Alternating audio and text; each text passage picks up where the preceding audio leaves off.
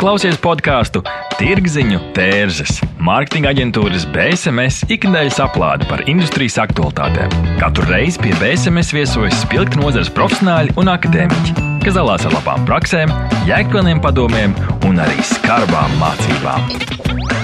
Aiziet! Šodien Tirziņu tērzes studijā Inta Buša un Denis Ševeļovs.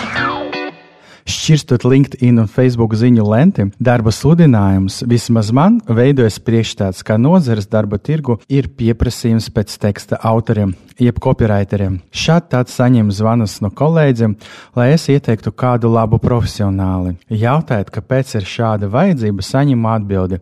Man vajag kādu, kas mak rakstīt iedarbīgus tekstus latviešu. Wow, cik precīzi es padomāju, un uzreiz piedāvāju Intei veidot epizodi. Tieši tāpēc šodien mūsu studijā viesojas Anna Asara, Lapsov Latvijas žurnāliste un Latvijas jaunu uzņēmumu krustmāte, un Aiga Veckalne, valodniece, raidieraksta pieturzīmes vadītāja, Ventspils augstskolas lektore un pētniece. Šodien Tirgziņa tērzes 50. epizode noskaidrosim, kas ir iedarbīgs teksts latviski. Sveiki! Sveiki! Čau, labrīt! Čau, čau, labdien! Sāksim jau uzreiz ar pirmo jautājumu. Kas vispār ir teksts? Aiga laika. nu, mūsdienās man gribētos teikt, ka teksts ir visā, ko mēs darām. Ka praktiski ir ļoti maz nodarbju un amatu, kurā var iztikt bez teksta. Un arī ikdienā mēs tekstu redzam visur. Reklāmās, ziņās, e-pastos, varbūt tajā, ko paši veidojam, tie varētu būt sociālai tīkli vai emorija, blogi. Un no tā, kā mēs formulēsim domu, kā mēs uzrakstīsim, kā mēs izvēlēsimies vārdus, patiesībā ir atkarīgs arī tas, kā mūs sapratīs un vai mūs vispār sapratīs. Mm. Un bieži vien vai izdarīs to, ko mēs vēlamies, lai mūsu auditorija izdara. Un, manuprāt, laikmetā, kad ir tik daudz darba, tik steidzīga ikdiena, uh, nu, mēs nevaram atļauties tērēt citu laiku ar neiedarbīgu tekstu, ja es atcaucos uz tavu šīs dienas sarunas tematu. Jā, es pilnīgi piekrītu Aigai par to, ka teksts ir viss, visur, visur, visur. Lai kur tu paskatītos uz šampūnu pudeles, uz roku dezinfekcijas līdzekļu, tas ir teksts. Piemēram, es vakardien drošības pēc pildīju, uztaisīju Covid testu ar, ar domu, lai es droši atnāku šejienu šodien. Un tagad ir tas apraksts, kā kas jādara, un es lasu, ka tas puķītis ir jāiebāž degunā ne seklāk kā 2,5 centimetri. Punkts viens, kas ir 2,5 cm, ok, man ar lineāli tas jānomēra, un cik ir tas dziļums, un cik tad īsti vajadzētu, cik 4 cm dabūt 3. Es tur vakardien tieši pie sevis par šo domāju, nu kā tad īsti ir, un tas bija teksts, kurš man padarīja galīgi apjukušu. Jā, es tur liktu, piemēram, vēlamo dziļumu. Labāk trīs, nevis. Jā, jā nevis neseklā. Kā tur uzreiz neveikli izteikt. Man uzreiz jāmeklē, būtu priecājušies, ja, ja tur būtu, teiksim, tas garumiņš ap, apzīmēts, teiksim, ar sarkanu punktiņu, ka tie ir tie 2,5. Ok, un tad man jācenšas dabūt vēl bišķiņ dziļāk. Tas tev, ir teksts. Sanāca? Nu, vismaz rezultāts bija negatīvs, tāpēc cerēsim, ka sanāca.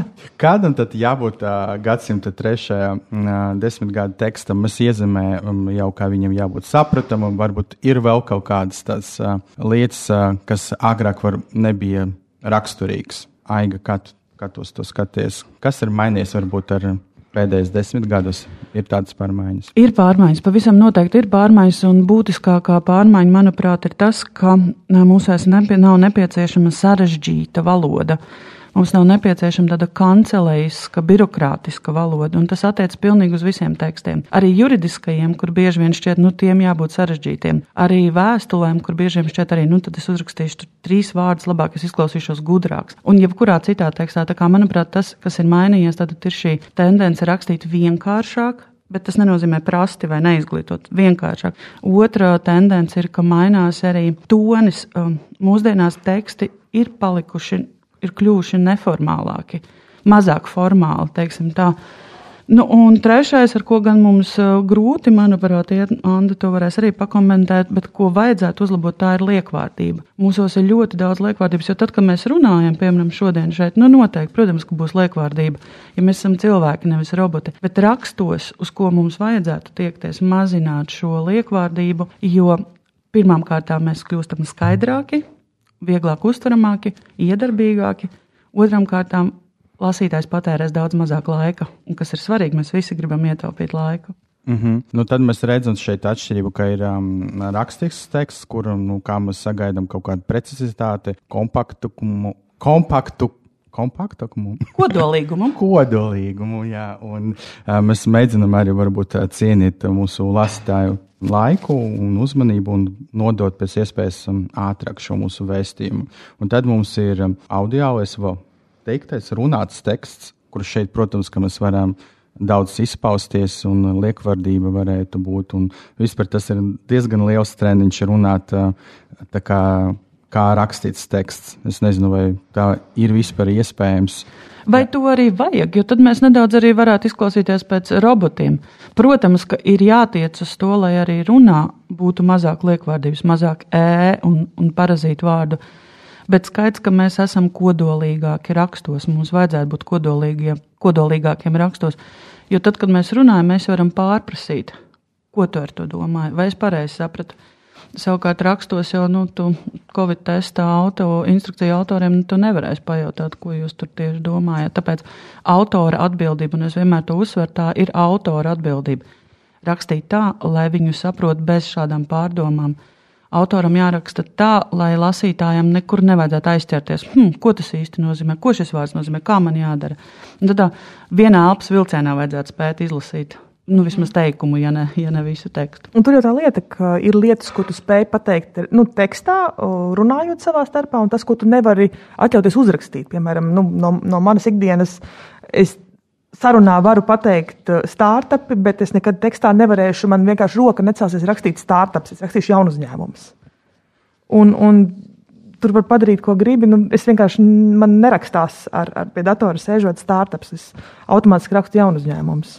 Mums šodien arī ir lieliski aptaujas dati. Pie šī mēs mazliet pievērsimies vēlāk, bet šeit, Anna, tu jau iezīmē to nākamo jautājumu. Kas nozīmē vispār latviešu teksts, ja mums šodien tēma ir iedarbīgi teksti latviešu? Tas ir tas, ko cilvēks, kur, kur tu sarunājies savā valodā, viņš to saprot. Ok, jā, tur cilvēki, kuri, okay, cilvēki, kuri ikdienā dzīvo vairākās valodu telpās, lai kādas tās būtu, viņi daudz ko saprot, arī citus vārdus. Nu, tāpat kā svešvārdi, tie var būt no, no dažādām valodām, arī latviešu. Tas pats, jaun, tas pats jaunu uzņēmums ir nu, savā ziņā mums jauns svešvārds vietējā, vietējā tirgū. Bet, piedod, man prasīji par. Kas ir latviešu teksts? Latviešu teksts ir tas, ko var saprast, ko sapratīs gan tavs opīts, gan omīte. Mm -hmm. un, un, nu, lai cik gudri tu gribētu izklausīties uh, un, un pastāstīt kaut ko ļoti um, gudru, tas, nebūs nevis, tas būs nevis gudrs teksts, bet tas būs nesaprotams teksts tavai tuvākajai auditorijai. Ja tu vēlēsies pastāstīt savai omītei, ar ko tu nodarbojies, nu, ir jāspēj izstāstīt to tā, lai viņi saprotu. Tas nenozīmē, ka tas būs nu, pārāk vienkārši vai nonivelēs to, ko tu dari. Tas padarīs vienkārši tevi tuvāk tavai auditorijai. Jā, klausoties arī uh, jūsu sacīto par to vienkāršo valodu, par to, ka mēs tā kā ātrāk runājam runājam vieglāk, vienkāršāk, mazāk liet, nu, šie liekie vārdi. Jā, tas noteikti ir arī par to, cik viegli ir saprast bez pārpratumiem, jo mēs, pieņemsim, kas ir ļoti izplatīta profesionālajā komunikācijā, e-pasta komunikācija, mēs negribam, lai e-pasta ir pārprotam, vai ne? Mēs gribam, lai cilvēks saprot, ko mēs viņam pasakam, bez uh, liekiem vārdiem, bet tajā pašā laikā arī nepārāk vienkāršoti. Un tāpēc arī e-pastā vajag vienu jautājumu, nevis 50, un tas cilvēks, kurš mm -hmm. saņems atbildēs tev uz vienu jautājumu, nevis uz to, tiem, ko tu vēlējies. Jā, laikam tas vienmēr ir par to, ko tu ar to gribi pateikt. Tas Jā. ir tas, ko tu gribi, lai tas adresāts saprot. Tieši tā. Tas ir vissvarīgākais. Nav nekā svarīgāka latviešu valodas tekstā, angļu valodas tekstā, kā adresāts un lai adresāts saprot. Un tāpēc rakstītājam vienmēr ir nu, jāmēģina iejusties adresātā, ādā, adresāta kurpēs un, un saprast viņa attieksmi, viņa zināšanas, jau tā kā pirms tam to ņemt vērā. Tā teksta samudžināšana vienkārši padara to nesaprotamu, un nesaprotamība rada pārpratumus. Un tos mēs nevēlamies. Patērē. Jā, tur būs pārprasīšana, reizēm pārāk gudru anglicismu runā, izmantošana vienkārši nu, nonāks pie tāda rezultāta, ka cilvēks tev nesapratīs vai pārpratīs. Bet vienlaikus, protams, ja mēs sakām, nu, iedarbīgs teksts latviešu valodā, tas, protams, nenozīmē, ka tam tekstam ir jābūt bez neviena svešvārda, ka tam ir jābūt ar vecvārdiem, nu, vai sazina kam, vai ne tautas dziesmas citējot tik uz soļa. Protams, svešvārdi ir normāla parādība ikvienā valodā, arī latviešu valodā. Aizgūmi, nu, gal galā mūsu valodā ir tik seni aizgūmi, mēs tos pat nejūtam vairs kā aizgūmus. Doma, skola, bikses, nu tie visi ir aizgūmi. Un svešvārdu arī ir daudz, bet ir svarīgi, lai mēs neizmantojam šos svešvārdus nevietā. Ja mēs varam pateikt latviešu atbilsmi, tad teksts būs iedarbīgāks.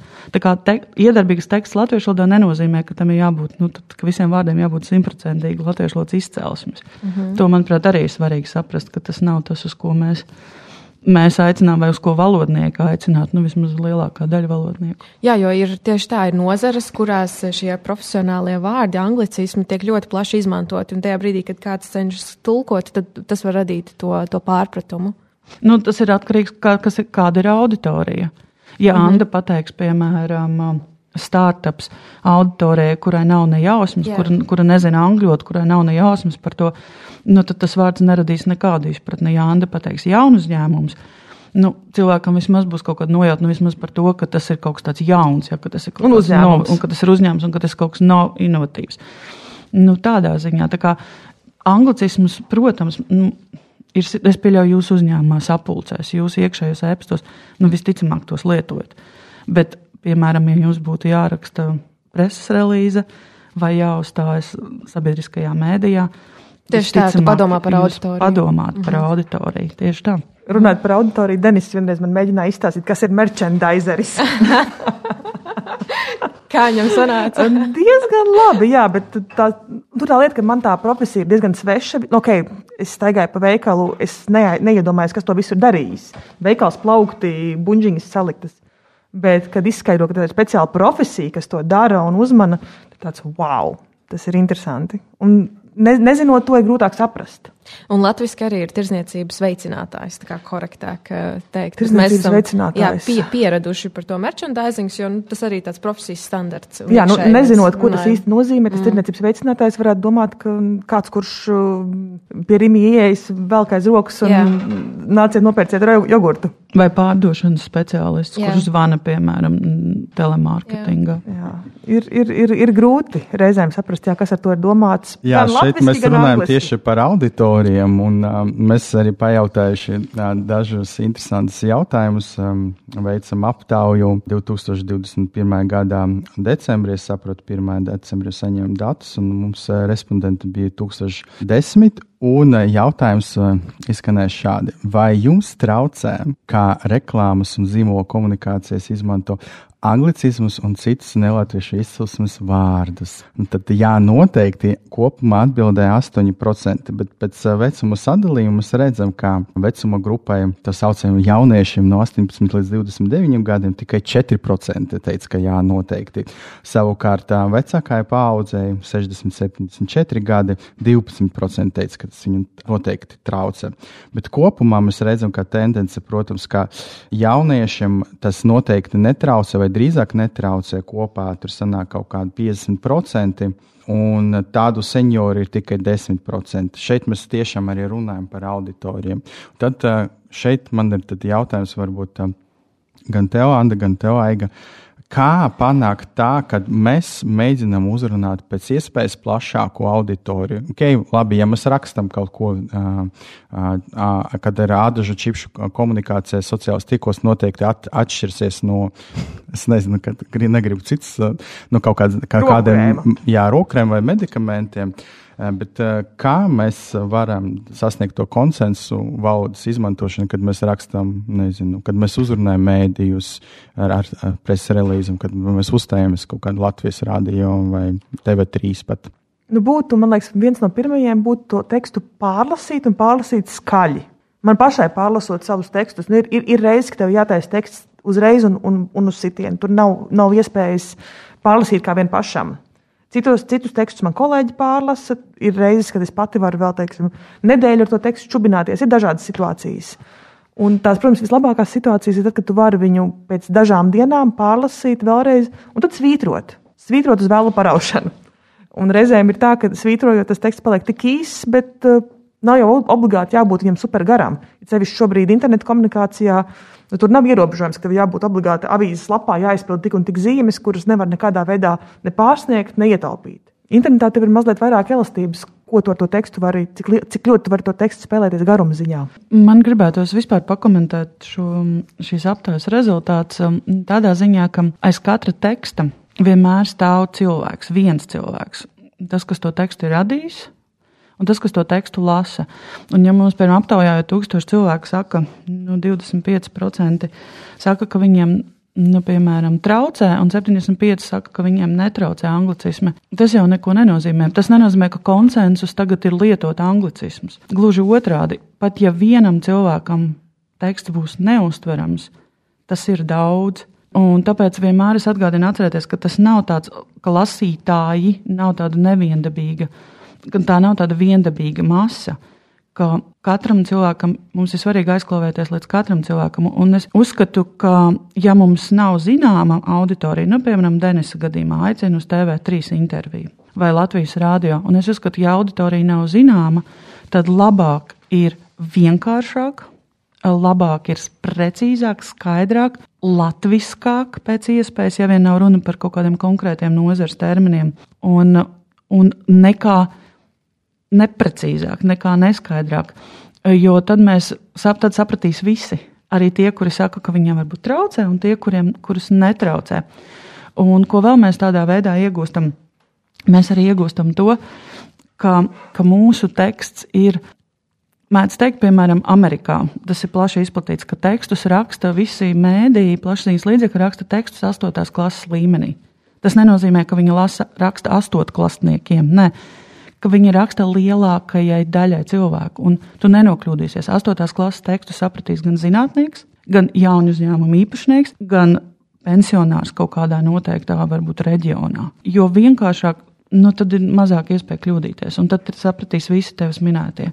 Tas īpaši svarīgi ir, jo lielāka tēma, piemēram, šī brīža aktualitāte vakcinācija, un citas lielas lietas. Jo lielāka auditorija, jo nozīmīgāks jautājums, jo svarīgāk tā un, komunikācija un tās skaidrība.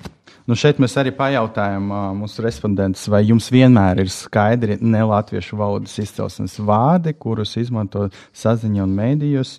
Un tad mēs arī redzam, kā, protams, kolorācija, jo vecākā auditorija, jo Viņam mazāk tas ir skaidrs, bet arī izskatās, ka nē. Bet šeit, protams, ka mums vajadzētu arī veikt kaut kādu eksperimentu. Varbūt Aiga tas ir taviem studentiem būtu labs materiāls kaut kādam diplomu darbam. Pavisam noteikti. Un, ja mūs klausās studenti, tad noteikti izmantojiet šo iespēju un arī rakstiet man, ja jums ir vēlme pakonsultēties par to.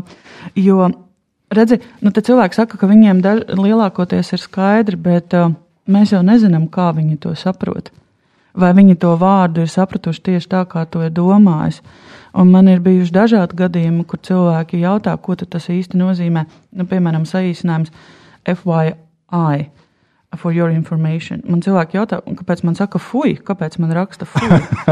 Ja, tas, ka viņš neko nepasaka, nenozīmē, ka viņš saprot. Un tas, ka viņš saka, ka viņš saprot, arī nenozīmē, ka viņš saprats tieši tā, kā autors ir domājis. Mm. Jā, es arī esmu paņēmis eh, divus vārdus un palaidam aptaujā, vai vienkārši paskatīties, kā cilvēki uztver šos vārdus. Pirmais vārds ir raidieraksts, ar man ar to vārdu ir īpašas attiecības. nu, es domāju, ne tev vienīgajam. un tad um, bija piedāvāti mm, četri varianti. Pirmais, tas pats, ko vārds podkāsts, TV vai radio raidījuma ieraksts, TV vai radio tiešraides ieraksts, un grūti pateikt, nezinu, un uh, neviens no minētam. Un kā nu, jūs jau redzat, uh, rezultāts, bet uh, tagad klausītājs varat padomāt, kas bija populārākā atbilde. Tā bija TV vai radio raidījuma ieraksts. Tad, tad, uh, un, protams, mēs arī redzam, ka visvairāk ar šo vārdu mēs saprotam podkāsts, jā, un tad šo uh, kopumā bija 26%, bet visvairāk um, 41%, protams, atbildēja vecuma grupā 18 līdz 29%. Un tas ir tas mom moments, kad mēs mēģinām kaut ko latviskot uh, vai atveidot vārdus, uh, izdomāt. Es domāju, ka vajadzētu arī padomāt, varbūt patestēt pirms tam, nevis nākt ar kaut kādu uh, priekšlikumu, kas īstenībā nestrādā. Un otrais vārds, mēs varam pakomentēt vēl, ka arī es paņēmu vārdu datne. Es nezināju, kas ir datne. Es to vārdu iemācījos tikai varbūt universitāte. Bija vispār šoks. Un pēc tam es sāku interesēties vairāk ar valodām, sapratu, no kurienes viņš parādījās. Un tad uh, atbildes varianti - svarīgu datu apkopojums, uh, datora fails, datora bez kauliņa. Grūti pateikt, es nezinu, neviens no minētām. Nu, lūk, un tad, uh, ko mēs redzam, kā pusi 49% teica, ka tas ir datora fails, un nākamā atbilde bija svarīgu datu apkopojums. Un it kā nu, datori mums ir jau nu, nu, sen gadus 30. Jā, vārds dators pats par sevi un tā kā datne. Bet nē, joprojām arī 2022. gadā mums redzam, ka tikai pusi varētu pateikt pareizi. Aiga, tas ir vairāk tev, varbūt prasīšu tev komentāru. Par raidierakstu es arī pieturzīmu profilā esmu rīkojis vairākas aptaujas, un vienmēr uzvar šajās aptaujās vārds podkāsts. Es piekrītu arī vairākiem citiem Latvijas valodniekiem, ka nu visticamāk, šis vārds nu, tik ātri nepazudīs. Tas ir ļoti labi jau tiek, tiek, tiek izmantots, tas ir tā teikt iegājies, jo tas pirmām kārtām ir gana īss. Ar to mēs esam pieraduši apzīmēt šo formātu, un ir grūti pēkšņi sākt izmantot raidierakstu. Es tev pilnīgi piekrītu. Elvis Jansons Latvijas rādio nepārtraukti saka, ka arī viņam, līdzīgi kā tev, ir problēmas ar šo vārdu. Jo tas īsti neatspoguļo šo kanālu, šo formātu. Uh, tiešām, ja es nezinātu, piemēram, man varētu šis, ka tas ir um, kaut kāds ieraksts televīzijas raidījuma vai, vai rādio raidījuma.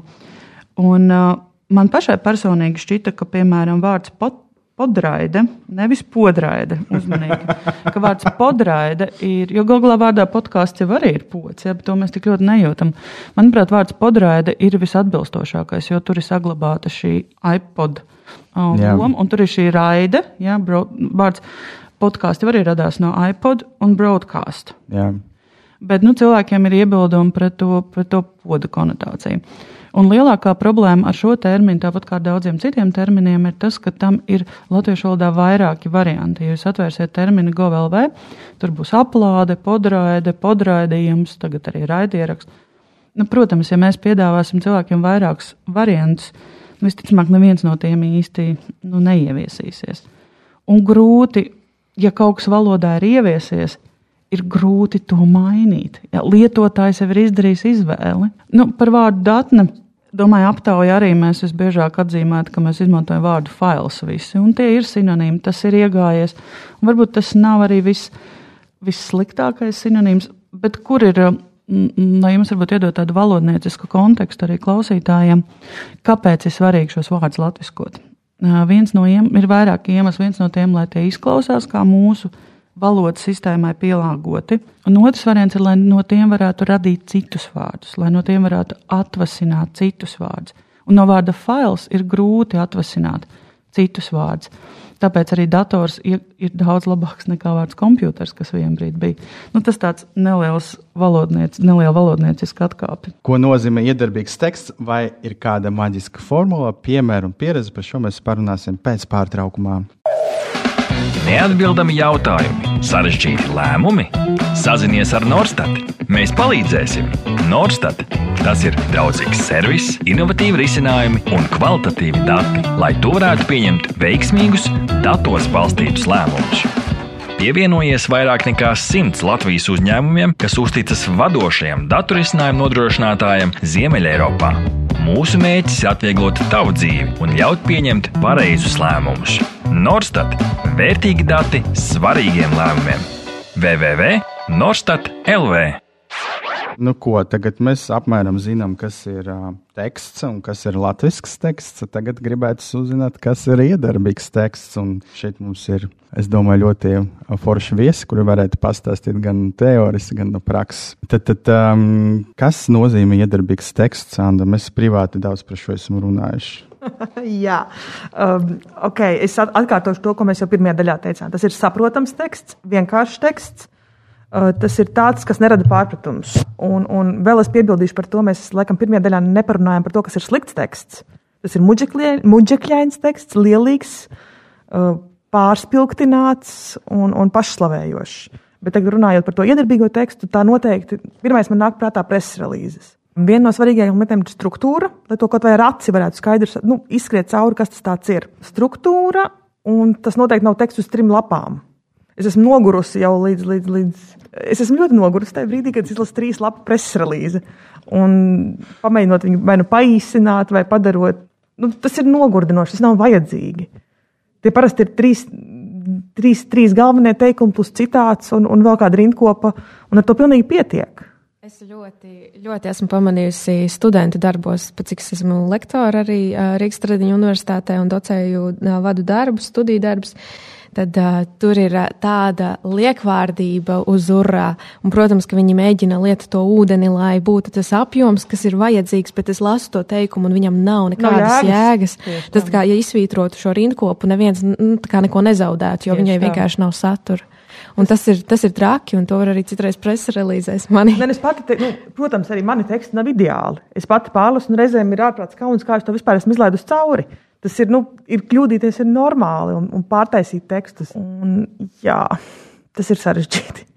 Okay. Tas ir sarežģīti. Nu, tad uh, mēs ļoti dzīvojam tādā kultūrā, kur mēs gribam ātras risinājumus, uh, uh, silver bullet, maģisku formulu. Vai tāda ir aiga?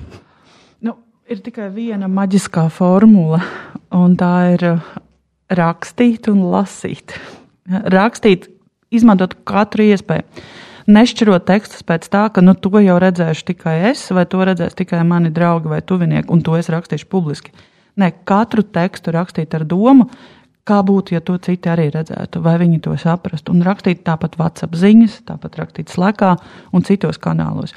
Un, protams, lasīt, nu, nav, nav iedomājams iemācīties rakstīt un labi izteikties, arī runāt. Lasīšana palīdz abām bez lasīšanas. Un labu piemēru krāšanas ļoti iesaku visiem, kuri raksta, krāt labus piemērus, gan virsrakstus, gan kaut kādus varbūt salīdzinājumus un, un trāpīgus teikumus. Un um, vēl maģiskā formula noteikti ir atcerēties par nu, tādām pamatlietām, iedarbīgu teksta veidošanā. Un Tā ir piemēram, ko Anna droši vien arī daudz redz presrelīzēs. Viena doma, viens teikums. Nemēģinam uztaisīt teikumu, kurā mēs gribētu pateikt visu. Tik līdz jūtam, ka tā ir jauna doma, liekam punktu, rakstām jaunu teikumu. Un tāpat arī ir svarīgi atcerēties par tādām pāris, pāris lietām, ko man gribētos pateikt. Nu, tās ir pieturzīmes, jo mazāk pieturzīme vai jo vairāk nevajadzīga pieturzīme, jo grūtāk teksts ir uztverams. Tā tiešām ir. Denis lasīja sākumā ievadu, mēs izņemtu pieturzīmes, būtu grūti salikt pareizos akcentus un, un izlasīt. Un vēl tas sasaucas ar to, ko Inta teica, un arī Anna par, par, šo, par šo liekvārdību. Atcerieties, ka jāraksta skaidri un konkrēti. Nu, nevis tā vispārīgi, bet konkrēti pateikt, ko es domāju. Un tam bieži vien palīdz vārds piemēram. Uzrakstītais komata piemēram Un tad precizēt, un tad var izņemt dažkārt to piemēram ārā. Tas ir vēl kaut kas, kas mums ir jāmācās gan studentiem, gan, gan citiem. Tā kā maģiskā formula ir, ir rakstīt un lasīt. Man ļoti, ļoti patīk tavs atgādinājums par vienu domu, viens teikums. Tas ir uh, izcils padoms. To man liekas, vajadzētu ielikt boldā, ja mēs varētu šeit tagad raidieraksta teikumu iebaldēt. Ieb, ieb, kā ieresnināt, nē, kā jāiet. Treknrakstā uzrakstīt. Ietrekni rakstot. Labi. Jo jā, man pašai ir tas, ka man kolēģi jau pārlasa manus tekstus. Jā, es redzu, ka mani teikumi bieži vien ir sadalīti viens teikums līdz trijos. Un es skatos, jā, tiešām tur taču varēja uztaisīt viņu daudz vienkāršāku un uztaisīt trīs mazus teikumus, un viss skaidrs. Un, tur, un galvenais, tad nav jādomā tik daudz par komatiem. Mm. Komati nav mana pati labākā lieta, ko es daru. Un liekot punktus, ir lielāka drošība, ka komats būs, nebūs vajadzīgs un nebūs kļūda. Aigā, no kurienes vispār tas ir veidojis tāda tradīcija, rakstīt garos teikumus un iekļaut tur vairākas domas? Kā tu to vari skaidrot? Nu, tas ir no vecā lietišķā stila, no kancelējiskā stila. Ne tikai padomju kanceliskā stila ietekmē, bet vispār arī angļu valodā kādreiz, piemēram, karalienes Viktorijas lietišķā, lai, laikmeta lietišķais stils bija daudz garāks un, un visādi vārdi. Tas ir viens, ka tā ir tā kā, nu, veca, veca, vecs paradums, no kā varētu izvairīties. Un arī no tā, ka kādreiz, Inta to brīnišķīgi teica, kādreiz bija jāaizpilda laukumi. Ja kādreiz tiešām bija tāds nu, uzskats, ka, nu, ka vēstule nevar būt tikai viens teikums, ka tev ir jāaizpild. Nav nopietni, jā. Nav nopietni, jā, ka tev ir jāaizpilda laukums.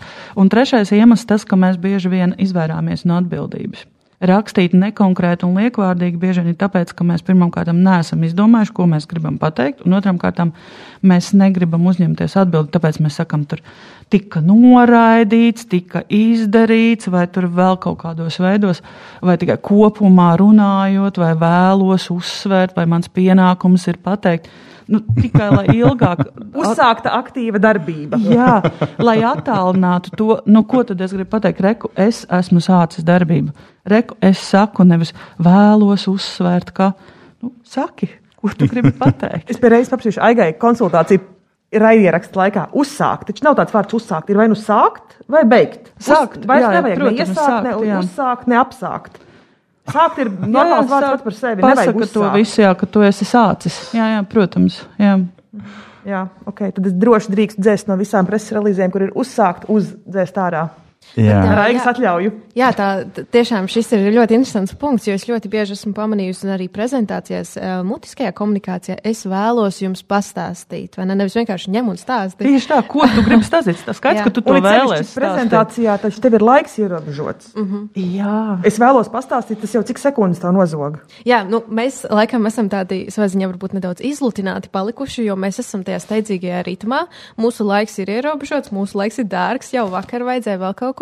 Un, uh, un tagad tu lasi to liekvārdību, vai tu klausies tos liekos tekstus, un tu jau domā, es jau esi kaut kur pilnīgi Jā, citur. tieši tam. Mm Mhm. -hmm. Iepirkuma saraksts tiek taisīts veikalam. Kam, kamēr kāds tev tērē tavu laiku, kaut ko sakot, tu zaudē domu, tad tas tev vairs nav interesanti. Tu taisi sarakstu galvā, ko pirks tā. veikalā vakarā. Un, un tas pats attiecas arī uz visām šīm klišejām. Andi jau tās pieminēja, nu, tādas pašslavinošas klišejas, ja tur unikāls, vad, vadošs un tā tālāk, vislabākais. Tie vārdi jau arī vispār neko nepasaka. Viņi pasaka tikai tad, ja klāt ir piemērs, kā tu teici. Ja ja tas ir lielākais piemērs- uzņēmums Latvijā, tad ir, jo viņiem ir apgrozījums tik un tik, un topā viņš izveidoja pirmajā vietā. Tieši okay, tā. pirmajā desmitniekā vai vienalga. Uh, Vadošais, ko viņš uz kurieni ved? Jā, jā, tieši tā. Vai vadošais, vai vadošais atkal saskaņā ar kādiem kritērijiem? Jā, tad Bet atkal- vadošs no krievu valodas, vai ne? Jā, nu, protams, slikti, mhm. Jā. Un, un tāpēc bieži vien jau mēs īsti nezinām, ko mēs gribam pateikt. Un, un mēs izvēlamies kaut kādu klišēju, kaut kādu pašslavinošu vārdu. Ko, un tā es atklāšu noslēpumu, ko lasītājs vispār neizlasa. Ir pat tāds termins, bar, baneru, jeb re, kan, karogšo reklāmu aklums. Ja? Jā. Mēs neredzam šos vārdus. Es automātiski viņus dzēšu šādā. Ja? Un otra lieta ir tāda par to, tā, es tā paspēju aizmirst. Pierakstiet, klausītāji, lūdzu. Tā tu stāstīji, es aizmirsu par vadošais, inovatīvs, Unikāls, unikālais. Ah, nu jā, tas ir, sinerģisks. Nu, angliski. Fake it till you make it. Tas ir no šī par, par piemēra. Mm. Tu sauc sev par vadošo un labāko un, inovatīvāko, kamēr cilvēki tam notic un paši sāk to lietot. Un vairs slinkumu vienkārši neizsītojot no preses relīzes to teikumu ārā. Ok, ļoti daudz praktisku padomu. Tiešām interesanti klausīties, un uzreiz arī eh, tā kā revidēju savus tekstus galvā, ko es biju tāds nogrēkojis vai nē. Ok, labi, tad, tad mēs at, apmēram sapratām, kas ir iedarbīgs teksts un latviski. Tad eh, kur meklēt cilvēkus, eh, kas māk veidot iedarbīgus tekstus? Aiga. es tev nesen jautāju arī. Būtu forši, ja būtu vai ne, tāds saraksts. Datubāze. Da, datubāze saraksta cilvēkiem. Datnē ar datubāzi. Nu, jautāt, prasīt, um, prasīt pasniedzējiem, augstskolu pasniedzējiem, jo viņi vislabāk zina, kā raksta viņu studenti, un uh, skatīties labus tekstus un meklēt šo tekstu autorus. Un papildus tam jau ir atkarīgs, kam tev to labo tekstu vajag. Tev vajag labu tekstu preses relīzē, tev vajag labu tekstu īsai reklāmai, tev vajag īsu, labu tekstu audio reklāmai, TV reklāmai. Nu, mēs tev vajag- gribam universālu cilvēku, protams. Mēs zinām, kādiem universāliem cilvēkiem.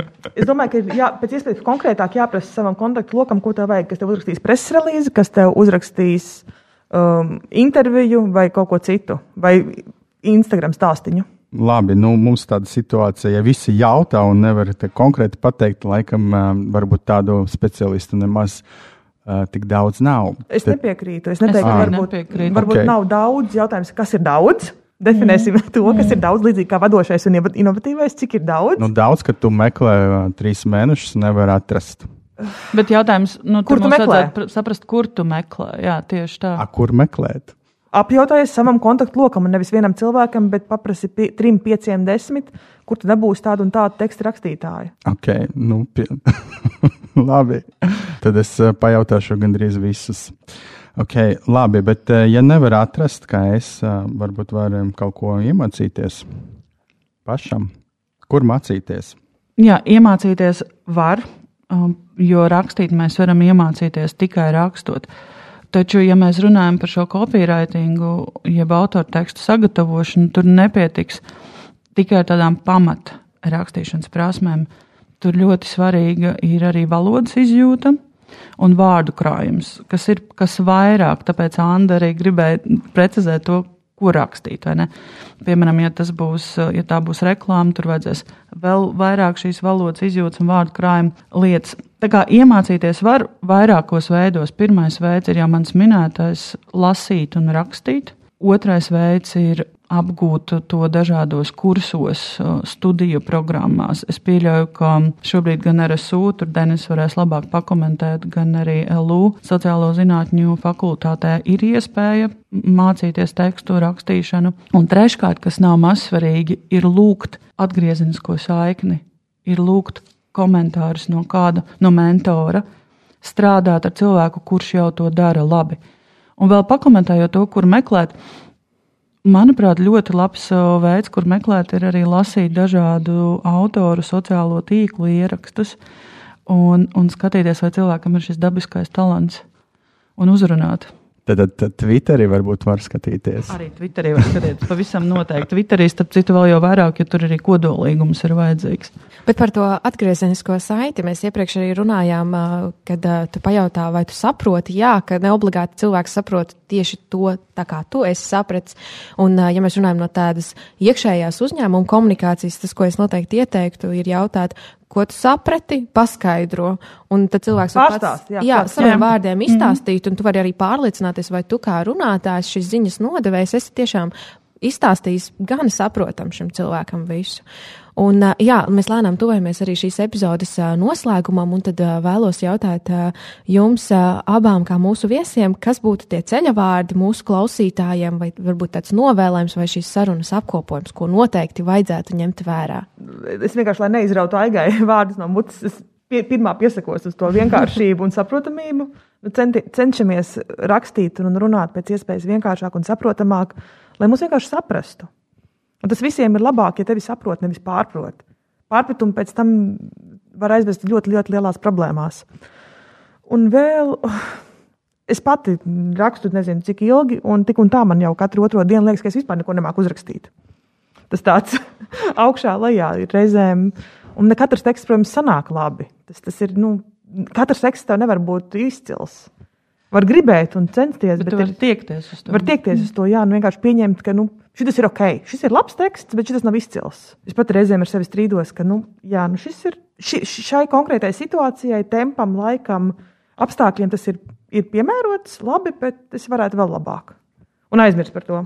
Man noteikti gribētos atgādināt, ka, ka teksts un rakstīt prasme ir mums visapkārt. Ka praktiski nav tādu profesiju vai nodarbošanos, kuru var iztikt bez rakstīšanas. Un tad, kad mēs to sākam apzināties, tad mēs vairs nedomājam, piemēram, nu, ka galvenais ir fotografija vai galvenais ir produktu iepakojums vai vēl kaut kas. Teksts ir tikpat svarīgs un tikai kopā ar vizuālo tie veido šo iedarbīgo vēstījumu, tie panāk to, ko nu, ko nu klients ir vēlējies panākt tikai kopā. Tas, manuprāt, ir vissvarīgākais, ko vajadzētu atcerēties. Denis, Es uh, silti rekomendēju arī klausīties Aigas um, podkāstu raidierakstu pieturzīmes. Tur ir dažādas li lielisks padomi, var iemācīties un arī lasīt grāmatas speciālas. Tas ir viena tā grāmata, ko Aiga rekomendēja. Es arī rekomendēju, arī tagad mūsu kolēģi to lasa. Grāmatas raksts sauc Pišiesa Krešai, ir krieviski pieejama. Bet, ja jūs klausīsieties pieturzīmes, tad jūs uzzināsiet, kāda vēl literatūra ir pieejama. Kā, ko tu rekomendētu? es laikam ieteiktu tiešām lasīt grāmatas un vispār tekstus. Es pati ļoti personīgi sev jūtu, ka tajā brīdī, kad es lasu mazāk, mans vārdu krājums arī sarūk un nav tik varbūt viegli šīs domas izteikt gan rakstos, gan vārdos. Tāpēc tas būtu noteikti mans ieteikums. Ar šo arī noslēgsim tirziņu tērzas 50. epizodē. Šodien pie mums ciemojas Anda Asare, labs Latvijas žurnāliste, Latvijas jaunu uzņēmumu krustmāte un Aiga Veckalne valodniece, raidieraksta pieturzīmes vadītāja, Ventspils augstskolas lektore un pētniece. Paldies, ka klausījāties BSMS podkāstu Tirziņu tērzes. Aplādi ar labām praktiskām, jēgpilniem padomiem un skarbām mācībām. Patika epizode? Dalies sociālajos medijos, ir idejas tēmām vai viesiem? Raksti mums! Tās bija Tirziņu tērzes. Tiekamies nākamnedēļ!